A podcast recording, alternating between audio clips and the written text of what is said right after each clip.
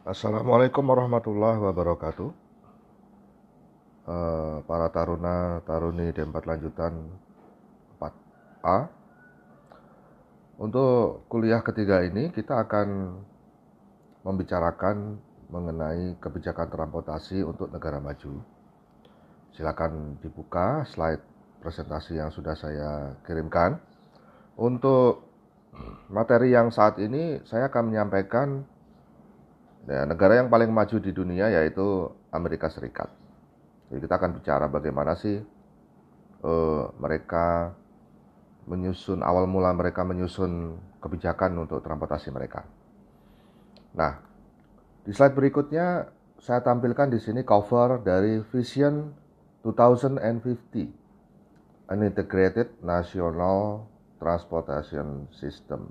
Jadi mereka uh, membuat sistem transportasi negara yang yang sifatnya terintegrasi. Lihatlah di sini ada gambar uh, apa kapal, kemudian ada kereta cepat juga, jalan raya pasti, lalu juga ada pesawat supersonik gitu ya, yang berada di yang terintegrasi itu itu dalam satu lokasi ya.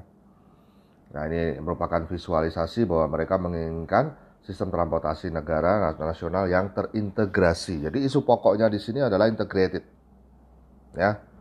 Nah, bagaimana integrated itu? Ya namanya apakah sesuatu itu sudah pas berarti ukurannya sudah sesuai dengan baju uh, baju itu misalnya baju ya ukurannya sudah sesuai dengan tubuh kita, misalnya seperti itu. Nah, berarti kan ada parameter yang dibilang bahwa baju itu pas buat kita, ukurannya Nah, sama integrasi dikatakan integrasi apabila ada parameter-parameter yang terpenuhi.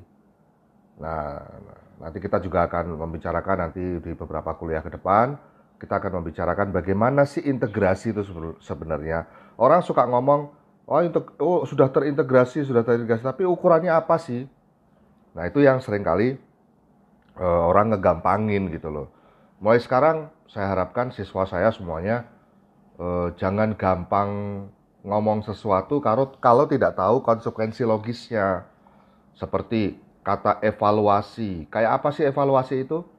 Kebanyakan kita hanya hanya hanya eh, berpikir evaluasi itu membahas yang sudah berjalan, yang sudah berlalu, ya.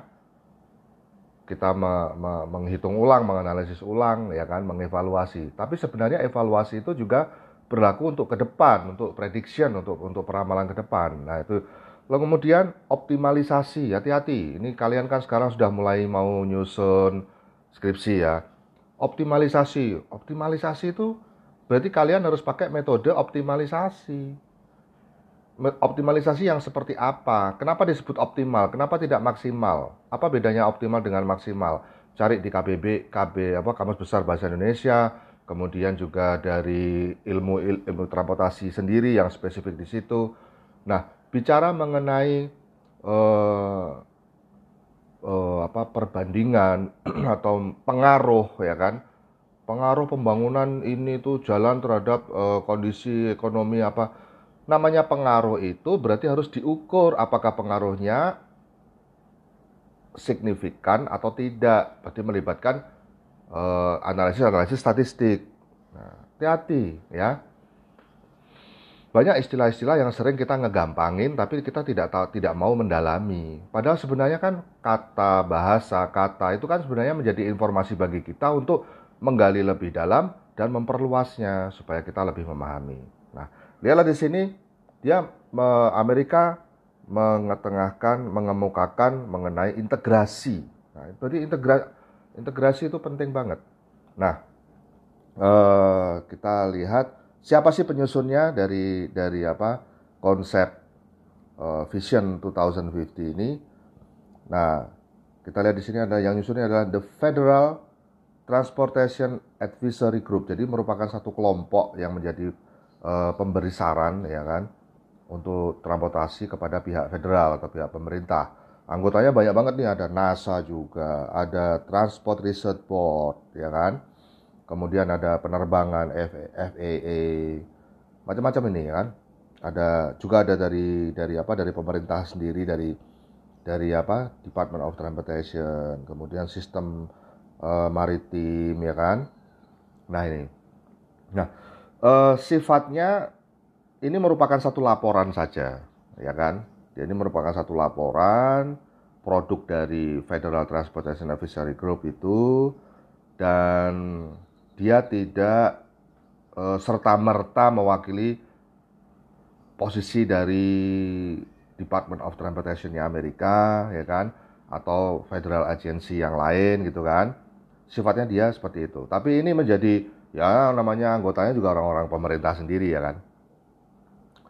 Oke selanjutnya eh, ini disusun tahun publish February 2001 2001 nah saya kok tergelitik pada saat tahun 2001 tuh Indonesia lagi apa ya? Makanya saya lihat di Google itu saya tampilkan ada konflik sampit, ada krono, ada pelanggaran HAM berat, ada konflik SARA, pol solusi Papua damai dan lain-lain ya. Ternyata di tahun 2001 negara kita carut marut sama konflik ya. Sementara di Amerika mereka udah menyusul bagaimana 50 tahun ke depan. Kita di sini ngurusi konflik. Oke. Nah, berikutnya kita melihat satu uh, logo. Di sini ada aerospace, water, land, information, ya kan? Nah, safe, secure, efficient, independent for foreign energy, environmentally compatible. Nah, apa yang ada di sini nanti akan kita bahas. Ini intinya dia mereka bisa membuat satu uh, penyederhanaan ya dari dari apa dari uh, visi mereka untuk 2050 uh, bahwa ada transportasi udara, transportasi air, kemudian transportasi darat, lalu juga ada informasi yang melingkupi itu semua di mana diharapkan operasionalnya itu adalah safe, secure, efisien, dan mereka uh, bebas dari energi yang berasal dari negara lain ya kan? Ya minyak bumi dari Arab mungkin dan lain sebagainya. Uh, kemudian environmentally compatible jadi ramah lingkungan nah itu yang harapan mereka. Mereka merangkum itu dalam satu logo seperti ini. Keren banget ya. Mereka bisa bisa me, me, apa ya inilah orang pinter ya. Tugasnya orang pinter itu apa? Menyederhanakan kerumitan. Nah, dari kerumitan visi yang mereka ini kan mereka sederhanakan seperti ini sehingga orang bisa me menginterpretasikan sendiri dengan dengan jauh lebih mudah. Selanjutnya mereka uh, ini tampak uh, ada tulisan moving anyone and anything anywhere anytime on time. Sederhana banget ya. Ya memang untuk untuk kasus uh, very long range seperti 50 tahun ya memang dia hanya sederhana-sederhana seperti itu aja. Uh, dokumennya itu sendiri Vision 2050 itu hanya sekitar 34 halaman aja. Sedikit aja. Nah, moving anyone jadi memperjalankan siapa saja, anything uh, barang ataupun apa, anywhere dari mana saja, anytime kapan saja, on time gitu. Ya, ini ini ini beberapa hal yang digarisbawahi oleh mereka sebagai penyederhanaan dari visi. Nah, lalu kemudian isinya apa saja sih dalam dokumen ini? Ini lihatlah di sini ada konten atau isinya adalah Transportation Vision 2050, Transportation Challenge, apa tantangan-tantangannya uh, ke depan, kemudian yang yang visi integrasinya itu seperti apa, teknologi dan konsepnya untuk support. Visinya itu bagaimana, kemudian investasi dalam penelitian. Nah, lihatlah di sini bahwa investasi dalam penelitian ini menjadi uh, menjadi salah satu ini apa uh, hal penting yang mereka statement gitu loh. Karena mereka memang menghargai inovasi ya kan? Ya mereka memang memang instansi-instansi mereka memang instansi yang bagus untuk menghargai inovasi um, uh, manusia gitu ya. Inovasi tenaga tenaga ahli. Kalau di kita kan tidak uh, ada ya sama tenaga ahli. Ya itulah negara kita. Mudah-mudahan Eh, orang-orang di negara kita bukan negara kita ya orang-orang di negara kita mudah-mudahan nanti bisa mereka sadar untuk lebih menghargai manusia ya. Oke selanjutnya di sini ada uh, rangkuman apa yang saya ambil dari dari kata pembuka dari chairmannya uh, di sini dia menyampaikan bahwa sebagian dari sistem transportasi itu sudah ya mendekati masalah-masalah gitu ya. Ada delay di penerbangan, makin meningkat waktu delaynya. Kemudian sistem angkutan umum serta uh, sistem jalan raya ini sudah macet, congest, congested. Lalu uh, ya pelabuhan-pelabuhan utama dan kemudian juga sungai, danau, penyeberangan, lalu railway, jalan rel untuk barang dan lain sebagainya, jalur-jalur itu itu sudah mendekati kapasitas, ya hambatan kapasitas. Nah, di sini berarti bagi kita ahli transport, kita melihat di sini, oh ada delay, ya kan? Delay ini terjadi di mana? Airline delay, delay terjadi di mana? Ya kebanyakan sih di ini ya, di bandara ya. Kalau di udaranya sih uh, nggak terlalu banyak menyebabkan delay paling ya hanya kalau dia pas mungkin di holding gitu aja ya tapi kebanyakan sih waktu di dia istirahat atau dia pada saat stay di kemudian uh, kebanyakan simpul transportasi itu adalah tempat delay gitu. nah ini menjadi tantangan bagi kita uh, bagi uh, taruna yang lulusan D3 kereta api delay dari perjalanan kereta api ada di mana? Stasiun. Ada apa saja di stasiun itu? Nah, sebenarnya railway networknya bagus dan dia bisa mengalirkan begitu banyak. Tapi ada persinyalan di situ, ada kegiatan dalam stasiun yang kemudian menjadi bottleneck, delay tercipta. Nah, maka itu seperti pertemuan-pertemuan uh, network dari railway itu itu enak kalau diteliti kapasitasnya seperti apa, operasionalnya bagaimana, ke depan seperti apa. Itu yang saya harapkan sih dari kalian nggak hanya sekedar ya saya sedikit-sedikit saya juga lihat uh, kalau apa kualitas KKW-nya D3 perkereta apian itu masih harus ditingkatkan itu supaya bisa nanti pada saat D4 itu bisa lebih expand.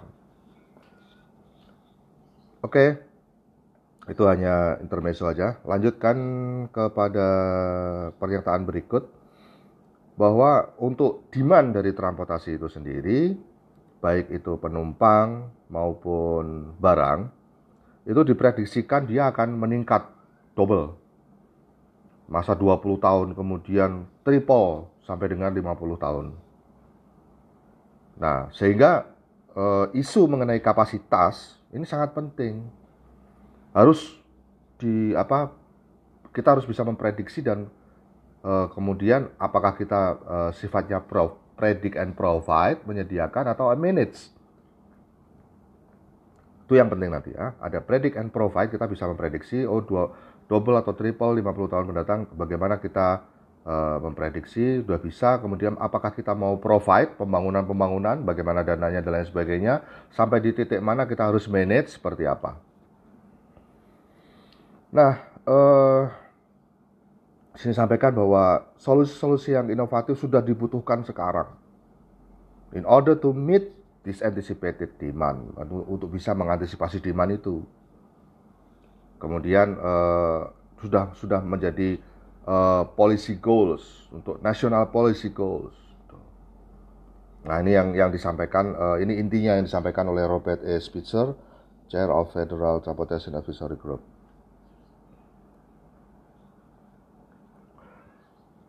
Di slide selanjutnya, uh, mereka menyatakan bahwa our national transportation vision is, nah ini ini yang penting nih, yang perhatikan ya. Ada tiga hal. Yang pertama, an integrated national transportation system Nah, garis bawah di situ that can economically move anyone, anything, anywhere, anytime, on time. Kemudian yang kedua, a transportation system without fatalities and injuries. Ya, jadi ya ini safe ya, safety itu. Lalu yang ketiga, transportation system that is not dependent on foreign energy.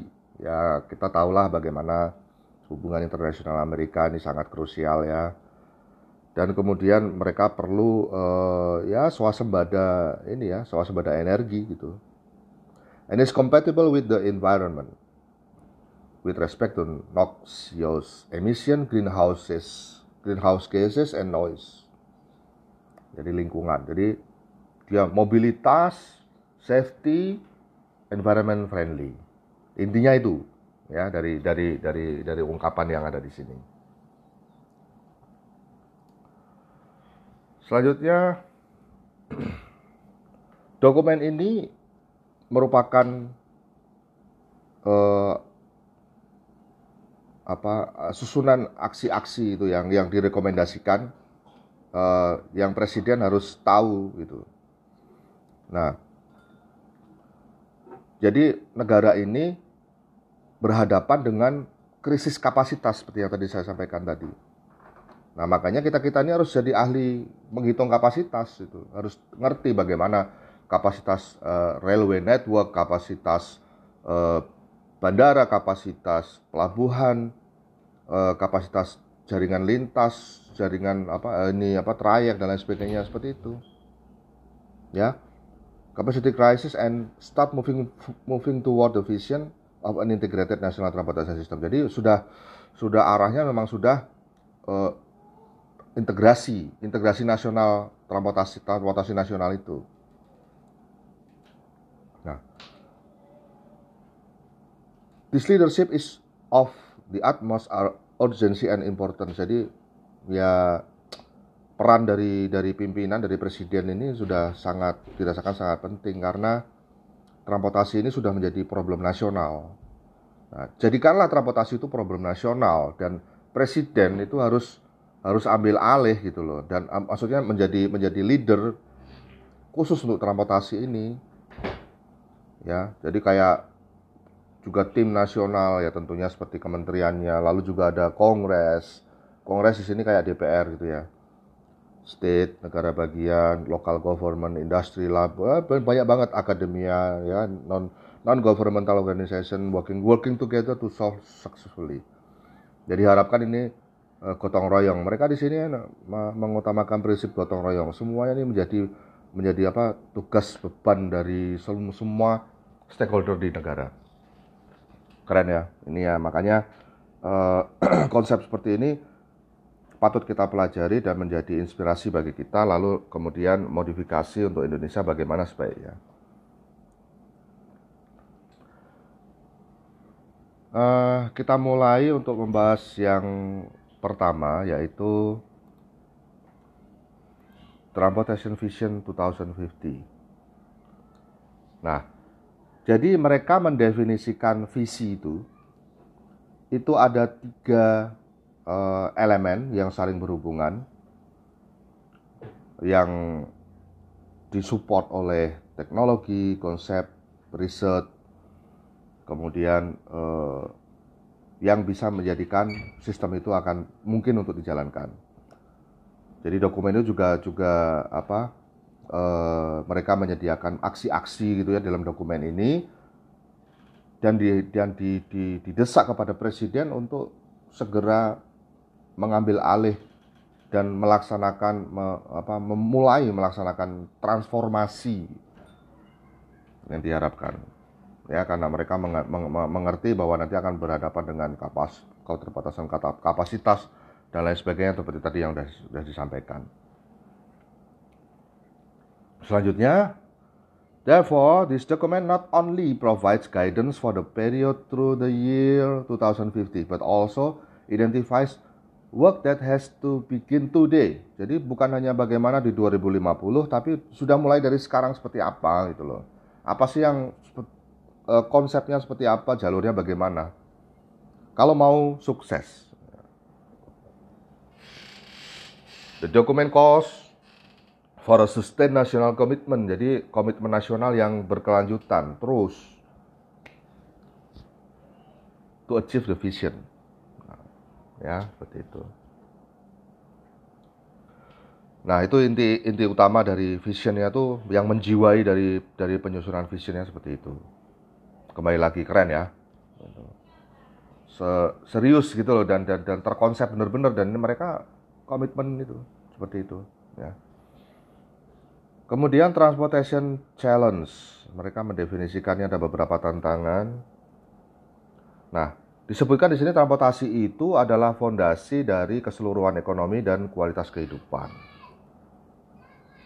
Dan kemudian apa sih tantangan dari transportasi ini? Yang pertama adalah mobility and congestion. Ya, itu adalah adalah tantangannya di situ, mobility and congestion.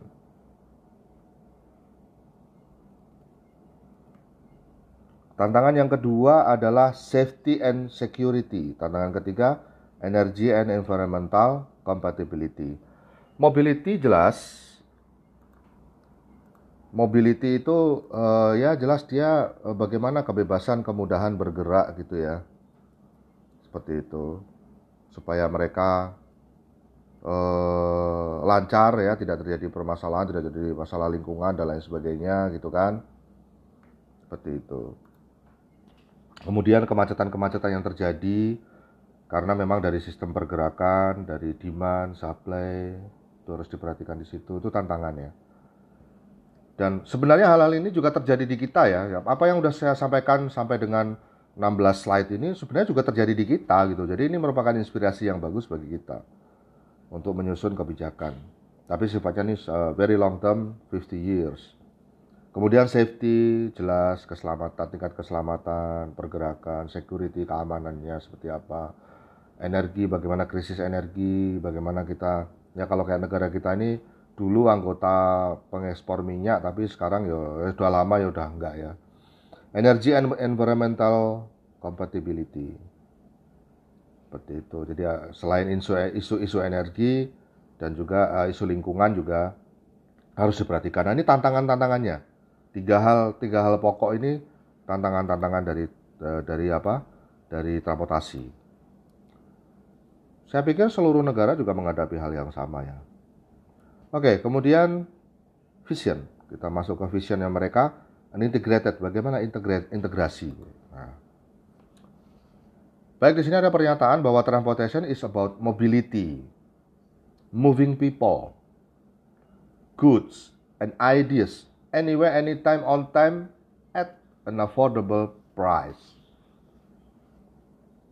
Dan kemudian it is about providing safe reliable economical environmentally friendly environmentally friendly mobility for all Americans, enhancing their quality of life and enabling them to do what they want to do when they want to do it. Ya, jadi benar-benar benar-benar manusiawi ya gitu ya. Dan konsep ini terasa terasa ya memang benar ini apa adanya. Memang transportasi kan pergerakan, ya kan? Ada orang, ada barang, ada jasa, ada ide-ide tertentu dari mana saja, kapan saja, tepat waktunya dan harganya juga dapat dipenuhi. Kemudian transportasi juga hal-hal mengenai bagaimana eh, pemerintah itu membentuk satu transportasi yang aman, yang dapat di, yang dapat diandalkan secara ekonomi mendukung dan kemudian lingkungan juga friendly ya kan? Dan sifatnya memang mobilitas ini bagi seluruh warga negara yang kemudian sanggup untuk pen, membuat peningkatan dari kualitas kehidupan yang memungkinkan masyarakat untuk ya mau mau mau ngapain aja sih gitu kan? Ya dalam konotasi yang bagus ya.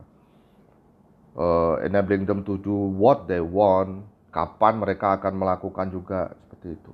Nah, jadi benar-benar transportasi ini benar-benar apa?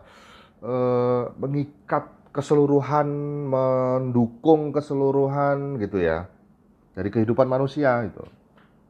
Sementara di Indonesia e, transportasi itu adalah kebutuhan apa? Urusan nanti kan kita bahas ya urusan wajib tapi non apa gitu loh nggak ngerti ya. Jadi kayak kayak belum diutamain gitu loh. Oke, selanjutnya uh, kita akan bicara mereka mereka menyusun bahwa transportasi eh, sistem transportasi itu mau, mau harus harus bagaimana sih? Harus digimanain sih gitu ya kan? Nah tampak di sini uh, ada ada integrated ya kemudian ada internasional, intermodal, lalu inklusif, intelijen, inovatif. Oke, kita bahas satu persatu. Yang disebut integrasi itu adalah mereka menyediakan uh, warga dan bisnis gitu kan. Ada beberapa parameter yaitu yang pertama seamless. Ya lancar gitu ya convenient, nyaman, safe, and secure service di mana saja di Amerika dan di seluruh dunia. Loh, mereka menyentuh seperti itu. Bicara mengenai integrasi dunia. Tidak hanya United States saja. Kemudian bicara mengenai internasional. Nah, internasional ini sendiri mereka ya me, supaya uh, connect ya kan, connecting to the rest of the world jadi Amerika tuh connect ke seluruh dunia. Walaupun belum ada penerbangan langsung ke Jakarta ya. Harus melalui Timur Tengah, Eropa, ah, kemudian Asia paling Jepang, ya Asia, Korea, Cina. Kemudian intermodal. Intermodal itu uh, dia membuat satu fungsi one seamless transportation system sehingga koneksi nyaman, fasilitas transfer untuk antar moda itu bagus, dan kemudian dia memaksimalkan uh, penumpang perka atau kapal, ya kan, uh, opsi-opsi untuk yang sifatnya nyaman, efisien, reduce cost, seperti itu. Keren ya kalau terwujud makanya luar biasa. Mereka selalu bilang sistem mereka ini yang terpaling baik di dunia. Ya memang Amerika negara paling baik di dunia. Kenyataannya seperti itu. Dari sisi duniawi, gitu. Tapi kalau yang enak ya negara kita ya kan. Insya Allah. Kemudian inklusif. Yang dimaksud inklusif di sini mereka menyediakan ya apa satu kenyamanan gitu ya, kenyamanan yang dapat diandalkan, dapat di, dapat dipenuhi atau terjangkau, servis atau pelayanan yang yang yang yang nyaman untuk seluruh warga negara. Jadi di mana pun mereka tinggal, apa pun pekerjaan mereka, perjalanan mereka seperti apa, gitu kan menggunakan moda apa, itu itulah providing safe, reliable, affordable, convenient service seperti itu. Kemudian intelijen, intelijen jadi dia e, memungkinkan e, integrasi dan transformasi sistem ini ke suatu in, e, pelayanan yang sifatnya internasional, intermodal, inklusif, yang efisien.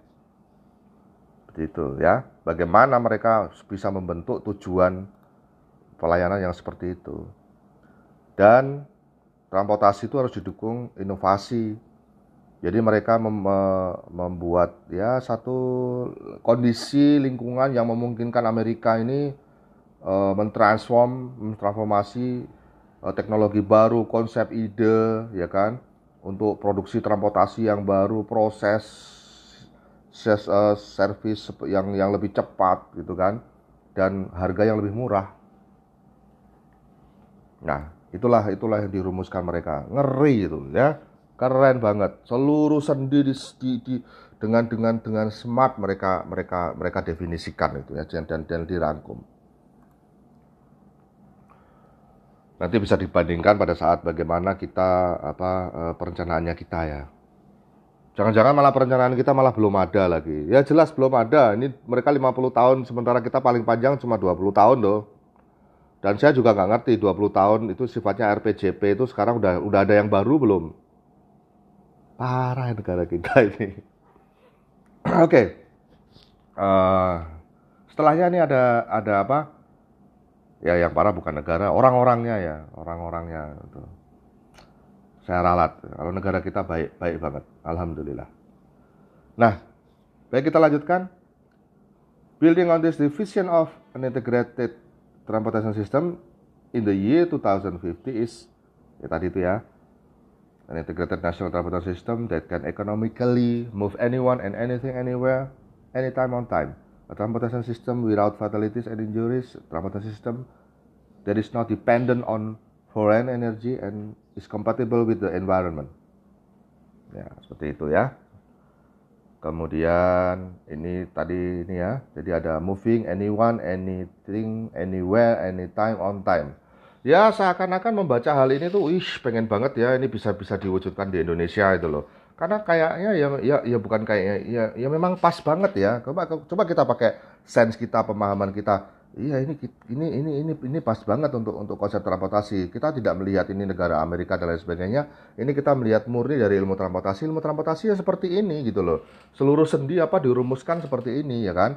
Darat, laut, udara, safe, secure, efficient dan nah, kecuali independent foreign energy lah ini ada kekhususan di Amerika. Environmentally compatible ya kan. Jadi ini merupakan satu konsep uh, ke depan integrasi transportasi, sistemnya seperti ini gitu loh. Nah, oke kemudian kita masuk ke teknologi. Ya, teknologi and concept to support. Bagaimana uh, yang yang bagaimana untuk mensupport loh. Mereka memikirkan juga uh, visi ini harus disupport seperti apa gitu loh. Keren ya. Saya senang saya baca ini. Mudah-mudahan kalian juga bisa melihat eh, kebaikan-kebaikan yang ada di sini dan kemudian bisa memodifikasi untuk kepentingan kita. Oke, okay. mobility vision. Jadi mereka ingin membangun dan mengintegrasikan sistem transportasi yang capable untuk economically moving anyone, anything, anywhere, anytime, on time. Ini yang mereka harapkan seperti ini. Kemudian mereka menyatakan bahwa negara ini butuh uh, apa operasional dan perencanaan transportasi yang pendekatan yang yang sifatnya ya baru ya, yang sifat uh, yang yang terintegrasi, kemudian uh, arsitektur sistemnya seperti apa, dan yang operasionalnya itu bisa memaksimalkan investasi dari dari apa dari sektor swasta dan pemerintah itu supaya eh, pas dengan kebutuhan serta kebutuhan transportasi itu sendiri serta yang diinginkan oleh masyarakat gitu. Nah, itu yang itu yang itu yang diharapkan mereka. Jadi jadi klub gitu loh. Bener-bener inilah faktor-faktor variabel-variabel yang nanti akan mendukung untuk kebutuhan transportasi dan kebutuhan dari community, dari masyarakatnya. Nah, untuk mencapainya ini beberapa option, di antaranya di sini dia statement ada yang pertama nih ya, dia mengurangi uh, demand. Ya jadi dia reduce demand jadi mengendalikan demand. Dan dengan menggantikan physical movement with virtual virtual movement. Ya kan? Ya seperti telecommuting e-commerce seperti itulah. Kemudian uh, improve system and modal efficiency ini dia menyediakan yang uh, opsi transportasi yang handal dan seamless. Kemudian eh, dengan didukung oleh informasi yang berkualitas untuk antar moda ya supaya bisa eh, dari informasi-informasi itu eh, integrasi perpindahan moda dan lain sebagainya itu bisa lebih eh, lancar. Kemudian improve operational management by creating new inter-institutional arrangement ya kemudian uh, crossing public and private lines overcome ke, ah, ini ini soal teknis saja di mereka lalu yang berikutnya develop uh, pembangunan efisien dan efektif uh, sarana for selecting and completing infrastructure project especially information uh, jadi mereka masih me, me, mengutamakan di uh, infrastruktur dari informasi yang masuk dalam uh, informasi dalam dalam uh, kapasitas dari sistem without causing an impact on other important areas of life land use. Jadi uh, bagaimana mereka pembangunan-pembangunan pembangunan-pembangunan yang sifatnya kepada sistem kapasitas ini tidak tidak menjadi uh, uh, dampak yang negatif terhadap land use, kemudian lingkungan dan lain sebagainya. Seperti itulah kira-kira. Lalu rationalize system design and operation at a level above the individual modes to improve the flow of people and goods at intermodal transfer point. Ya. Jadi meningkatkan ya peningkatan arus dari orang maupun barang di transfer point ya, di, di, di apa simpul transportasinya intermodal. Nah ini yang diharapkan bisa yang disebut mereka uh, new integrated system architecture approach to transportation planning and operation yang nanti akan bisa memaksimalkan uh, kebutuhan masyarakat serta investasi-investasinya. Nah, selanjutnya teknologi kita masih bicara teknologi ini, will be a major factor in defining, developing, and implementing an integrated national transportation system. Nah, bicara mengenai ini maka termasuk ya bagaimana sistem uh, tools, sistem untuk definition and transition, kemudian optim optimization dari sistem optimalisasi dari sistem, optimalisasi dari model, kemudian uh, next generation of vehicle gitu kan ya.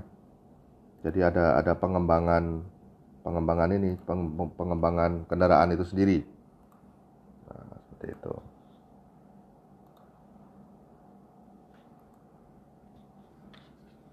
Selanjutnya masuk kepada safety and security Safety and Security Vision for 2050. We will eliminate transportation related fatalities and injuries. Nah, option-option yang dilakukan mereka yang pertama adalah membangun pemahaman yang bagus untuk perilaku ya, perilaku dari dari manusia atau perilaku pengemudi atau pengguna lalu lintas, kemudian bagaimana uh, kinerja pada saat mengopras, pengoperasian di dalam sistem transportasi itu. Dan kemudian di sini dia masalah ya masih masih sifatnya ke human, human, human seperti itu. Lebih kepada human ya untuk untuk meningkatkan safety ini. Kemudian uh, pada saat membangun atau pengembangan sistem transportasi, mendesain dan mengembangkan, mereka juga memperhatikan kendaraan, infrastruktur human itu sendiri, environmental uh, issue. Jadi faktor-faktor yang yang diperhatikan secara simultan pada saat mendesain maupun mengembangkan sistem transportasi, ya, kendaraan, infrastruktur, manusia, eh, isu-isu uh, lingkungan. Lalu memastikan bagaimana pendidikan dan kemampuan dan dan keterampilan gitu ya. Seperti itu. Dari operator maupun pengguna transportasi. Lalu ensure that no transportation service is ever denied if it is critical to meeting our national security objective. Ya ini berhubungan dengan dengan hal-hal uh, keamanan negara gitu ya kemudian Nah ini juga khusus Amerika nih ya. Protect the transportation system from terrorist attack and from being used to introduce weapons of mass destruction and other threatening contraband. Oke lah ini, ini spesial Amerika ini ya. ya. Selanjutnya ini energy and environmental compatibility vision for 2050. We will develop a transportation system that is not dependent on foreign energy and is compatible with the environment. Ya ini kembali lagi ini ciri khas Amerika ya. Dia memang pengen pengen uh, free free dari dari apa? Dari ketergantungan energi negara lain, khususnya negara-negara Arab gitu ya. Ya kita tidak usah bicarakan bagaimana konfliknya mereka lah ya. Dan ini ini khusus saja sih ini ini uh, optionnya sih seperti ini silakan dibaca sendiri saja karena memang kalau ini kan memang dia memang khusus ini ya Amerika ya gitu ya. Nah, kemudian yang terakhir kita akan uh, melihat bagaimana investasi untuk riset.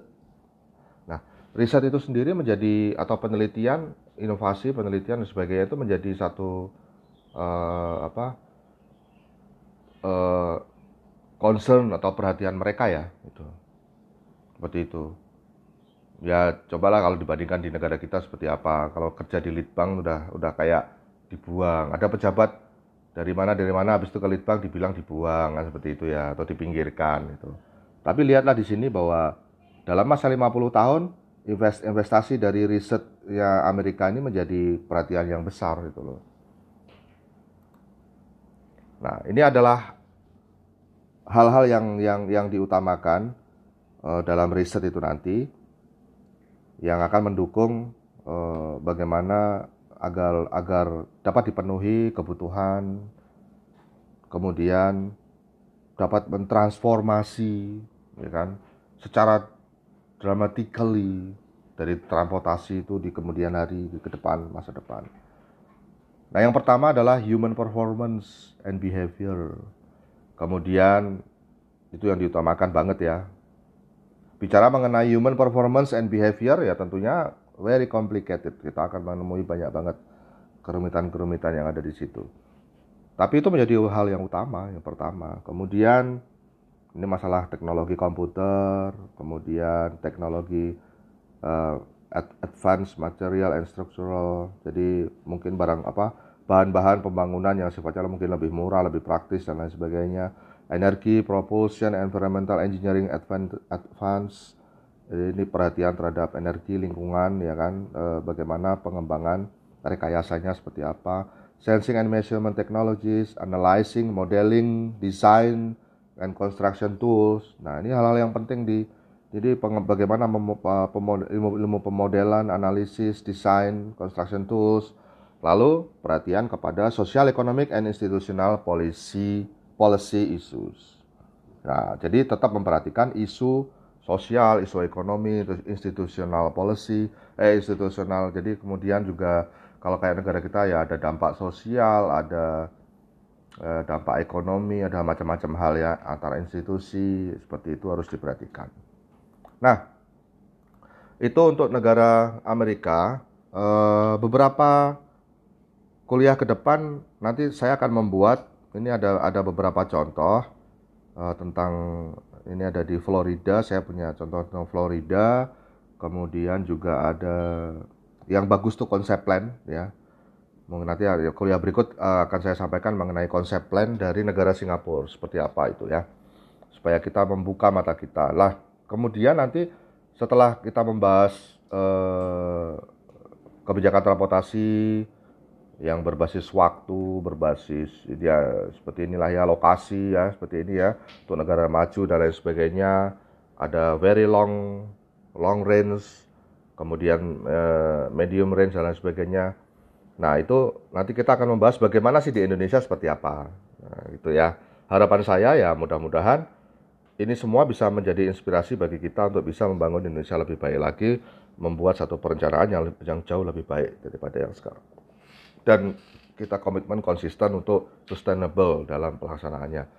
Demikian yang saya sampaikan. Eh, ditunggu saja kuliah yang berikutnya. Tidak usah diminta-minta ya. Nanti saya juga pasti seminggu sekali saya produk minimal satu lah yang saya produk. Mudah-mudahan bisa dua uh, dari dua materi ya. Dan dipelajari benar-benar. Mudah-mudahan bermanfaat. Jaga diri baik-baik. Salam buat keluarga. Assalamualaikum warahmatullahi wabarakatuh.